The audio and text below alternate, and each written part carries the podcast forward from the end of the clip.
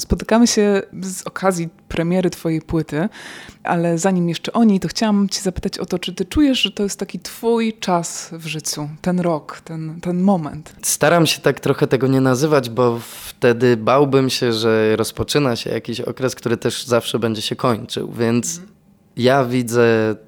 całą naszą karierę jako Bitamina, swoją jako Vito Bambino, jako jedno wielkie szczęście i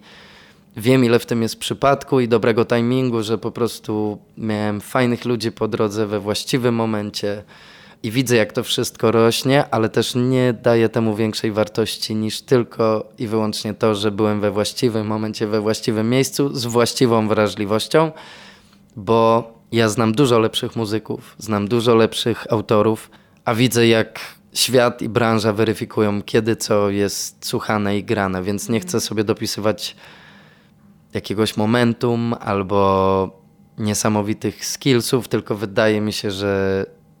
że na ten moment wszystko idzie sobie swoim, e, wiesz, takim tropem w naturalnym, tak, w naturalny sposób i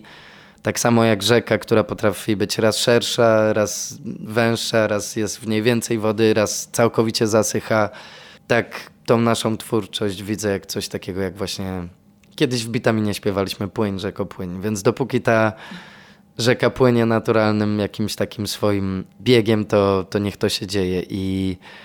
i czy i tam jest końcówka, jeśli możesz, to do morza płyń. Jeśli możesz, to płyń, a jeśli nie dasz rady, to też okej. Okay.